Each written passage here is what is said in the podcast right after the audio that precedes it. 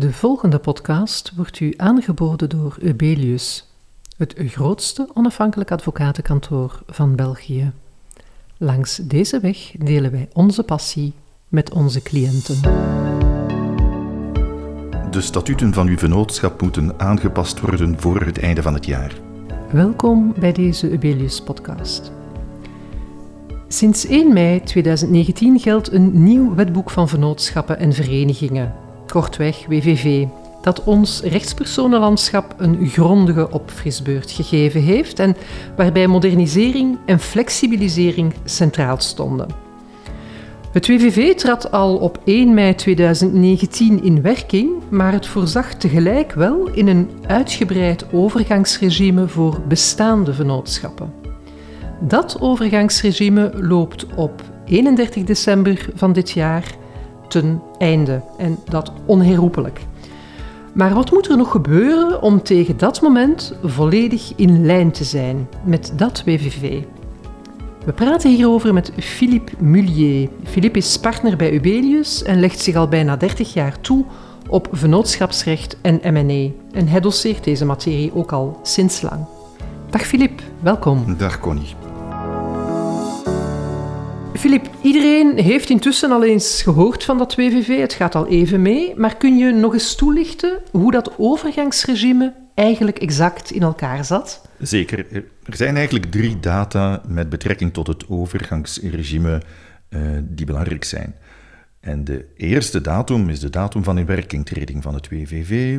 Dat is de datum die we kennen, 1 mei 2019. Vanaf dat ogenblik konden enkel nieuwe vennootschappen worden opgericht volgens het nieuwe regime. Tweede datum is die van 1 januari 2020. Ook een belangrijke datum, waarom? Omdat op dat ogenblik de dwingende bepalingen van het WVV van toepassing zijn op alle bestaande vennootschappen. Dus ook deze die al voor 1 mei 19 uh, eh, bestonden. En die dwingende bepalingen die hebben, die primeren, die hebben de bovenhand op wat er in de statuten staat.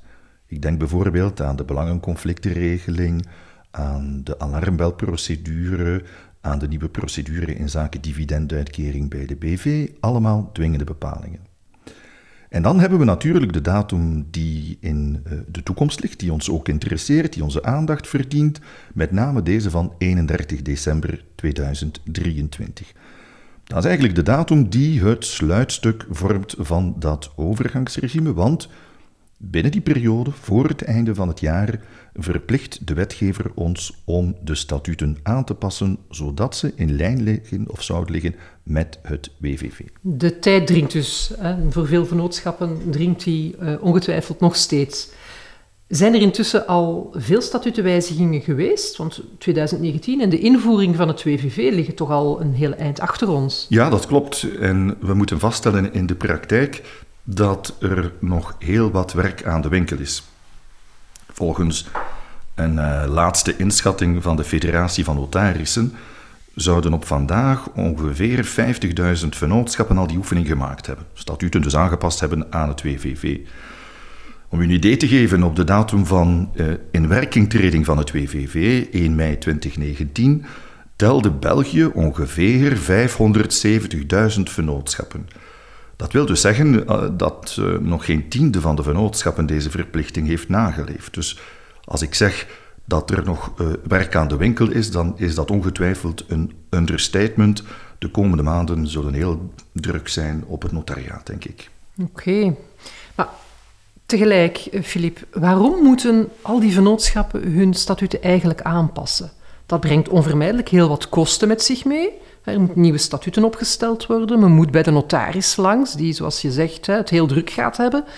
Uh, die, die, die, nieuwe eh, statuten moeten neergelegd worden, bij het reksel gepubliceerd. Waarom is dat nodig? Wel, de statuten moeten inderdaad aangepast worden. De wetgever legt ons die verplichting op. Maar je kan inderdaad de vraag stellen, waarom moet dat gebeuren? Wel, dat moet gebeuren in essentie om de statuten te aligneren met het WVV, zodat een verkeerde lectuur van de statuten vermeden wordt.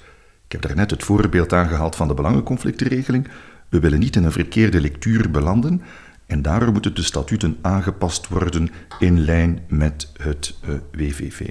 Omdat, nogmaals, maar ik val in herhaling nu, uh, de statuten op vele vlakken gewoon niet meer zullen overeenstemmen met die realiteit van het WVV. Daarnaast, en ik geef dat even mee voor de volledigheid, uh, zijn er ook heel wat nieuwigheden ingevoerd bij het uh, WVV.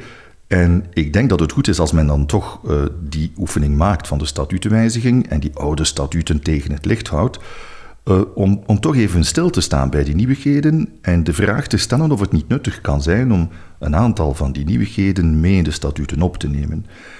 Ik denk bijvoorbeeld, um, er zijn veel nieuwigheden, maar ik denk bijvoorbeeld aan het meervoudig stemrecht, de gedifferentieerde winstuitkering, uh, de mogelijkheid tot volledige of partiële uitreding in de BV. Dat is ook een nieuwigheid als men daarvoor in de statuten opteert. Dat zijn nieuwigheden waar je echt wel iets mee kan, kan doen. En zeker als je een creatieve geest bent, dan bieden uh, die nieuwigheden veel opportuniteiten, bijvoorbeeld in zaken uh, successieplanning. Oké, okay, dus een statutenwijziging is voor uh, heel wat vennootschappen uh, nodig. Hoe gaat die dan exact verlopen? Is dat op de gewone manier of is er een bijzondere procedure voorzien? Nou, dat, dat is eigenlijk relatief eenvoudig. Ja. Uh, voor de bestaande vennootschappen is dat de klassieke procedure van een statutenwijziging. Dat betekent dat de statuten zullen moeten aangepast worden met de klassieke meerderheid, de gekwalificeerde meerderheid van 75% van de stemmen. Dus als 75 van de, stemmen, uh, van de stemmen zich positief uh, uitdrukken, dan zal die statutenwijziging een feit zijn. Voor de vennootschappen althans die notarieel moeten worden opgericht, zal die statutenwijziging, dat moet ik er nog aan toevoegen, ook notarieel plaatsvinden. Maar er zijn verschillende vennootschappen die niet notarieel moeten worden opgericht. Ik denk bijvoorbeeld aan de maatschap. Die kan onderhands worden opgericht, niet bij authentieke akten. Wel, daar zal in sommige gevallen ook een statuutwijziging moeten plaatsvinden van die maatschap om ze à jour te brengen. Hoe zal dat gebeuren? Dat zal dan niet gebeuren voor, uh, of hoeft niet te gebeuren, laat het mij zo zeggen, voor de notaris, maar kan ook onderhands gebeuren, omdat de maatschap nu eenmaal onderhands kan worden opgericht. Oké, okay, maar dus voor al die BV's bijvoorbeeld en al die NV's die nog dingen moeten aanpassen, uh, moet dat wel degelijk op de normale manier gebeuren met een notariële akte en ja. drie vierde meerderheid. Ja, klopt inderdaad, omdat de NV en BV nu eenmaal authentiek moeten verleden worden, opgericht worden. En als gevolg daarvan moeten de statutenwijzigingen ook uh, authentiek uh, verleden worden. Oké, okay, dat is relatief gemakkelijk, in ieder geval bekend terrein. Mm -hmm. Maar is dat ook zo voor die afgeschafte rechtsvormen? Werkt dat op precies dezelfde manier? Daar is ook een, een, een, een bepaalde soepelheid, zeg maar, een bepaalde flexibilisering eh, ingebouwd. Dus de wetgever is tegemoet gekomen. En hoe zit het nu met die afgeschafte rechtsvormen? Wel, die moeten kiezen voor een andere hoedanigheid, een andere rechtsvorm. Normaliter, als een vennootschap een andere rechtsvorm aanneemt, Bijvoorbeeld wanneer een NV zich wil laten omzetten naar een BV, dan moet een specifieke procedure gevolgd worden. Die procedure wordt omschreven in boek 14 van het WVV. Dat betekent dat je een bijzonder verslag moet opstellen van het bestuursorgaan, eh, dat er een staat van actief en passief moet voorliggen, er moet een controleverslag worden opgesteld. Dat zijn allemaal zaken die relatief complex zijn, die tijd en geld kosten. En daar heeft de wetgever nu gezegd, daar gaan we eigenlijk in deze context geen toepassing van maken. De wetgever heeft in deze context niet in die complexe procedure voorzien, maar zegt dat een eenvoudige statutenwijziging volstaat. Althans, er is een grote uh, voorwaarde aangekoppeld. Voor zover die afgeschafte rechtsvorm wordt omgezet naar een hoedanigheid, een rechtsvorm die de wetgever heeft aangewezen de meest natuurlijke keuze, zoals er door de wetgever gedicteerd is. Concreet, de wetgever heeft bijvoorbeeld voorzien voor de communitaire vennootschap op aandelen dat die, ik heb er net ook al uh, op gewezen, dat die het meest aanleunt bij de NV met enige bestuurder. Wel nu, als de ComVA moet worden omgezet en dat gebeurt effectief naar die NV met een enige bestuurder, dan zal een gewone statutenwijziging volstaan. Idem dito voor de coöperatieven met onbeperkte aansprakelijkheid, die omgezet wordt naar een vennootschap onder firma. Gewone statutenwijziging volstaat, boek 14 moet niet gevolgd worden. Maar wil men afwijken? Wil men afwijken van wat de wetgever als de meest natuurlijke omzetting heeft voorzien? dan zal boek 14 wel moeten gevolgd worden. Ik geef nu het voorbeeld van uh, de ComVA die, wil, uh, of die men wil omzetten in een BV in plaats van naar een NV met enige bestuurder. Wel, daar zal je wel door het ganse huiswerk moeten uh, dat in boek 14 voorzien is. Maar, kort samengevat, afgeschafte rechtsvormen via een gewone statutenwijziging als je kiest voor die hoedanigheid die de wetgever voorzien heeft. Oké, dus de wetgever maakt het gemakkelijk om die omzetting te doen eigenlijk naar uh, de natuurlijke tegenhanger in het, in het, nieuwe, in het nieuwe recht. En dan, dan mag het ook op een makkelijkere manier. We weten dus eigenlijk nu wat er moet gebeuren. Stel dat dat niet gebeurt, uh, wat zijn dan de sancties? Zijn die er wanneer die verplichting niet nageleefd wordt? Het is belangrijk om te weten, omdat er inderdaad blijkbaar heel veel vennootschappen zijn die die oefening nog voor Absoluut, de boeg en de hebben. wetgever heeft een sanctie voorzien. Er zijn weinig verplichtingen die de wetgever ons oplegt en die niet gekoppeld zijn aan een sanctie. Dus in deze is dat ook het geval. De wet voorziet een uh, sanctie, met name de persoonlijke en hoofdelijke aansprakelijkheid van de leden van het bestuursorgaan, zeg maar van de bestuurders voor zover zij die tijdige aanpassing van de statuten niet hebben gemaakt. Je kan je daarbij wel de bedenking maken, en dat is een reactie die ik vaak hoor, maar bij mensen zeggen, ja, waarom zouden de bestuurders moeten aansprakelijk zijn? Want het zijn toch finaal de aandeelhouders die de statutenwijziging doorvoeren met die 75% meerderheid. Wel, dat is eigenlijk wel een terechte opmerking. Uh, dus die persoonlijke aansprakelijkheid van de bestuurders moet enigszins genuanceerd worden. Als de bestuurders alles in het werk hebben gesteld opdat die statutenwijziging mogelijk zou zijn, dan hebben ze eigenlijk gedaan alles wat ze konden wat in hun bevoegdheid lag.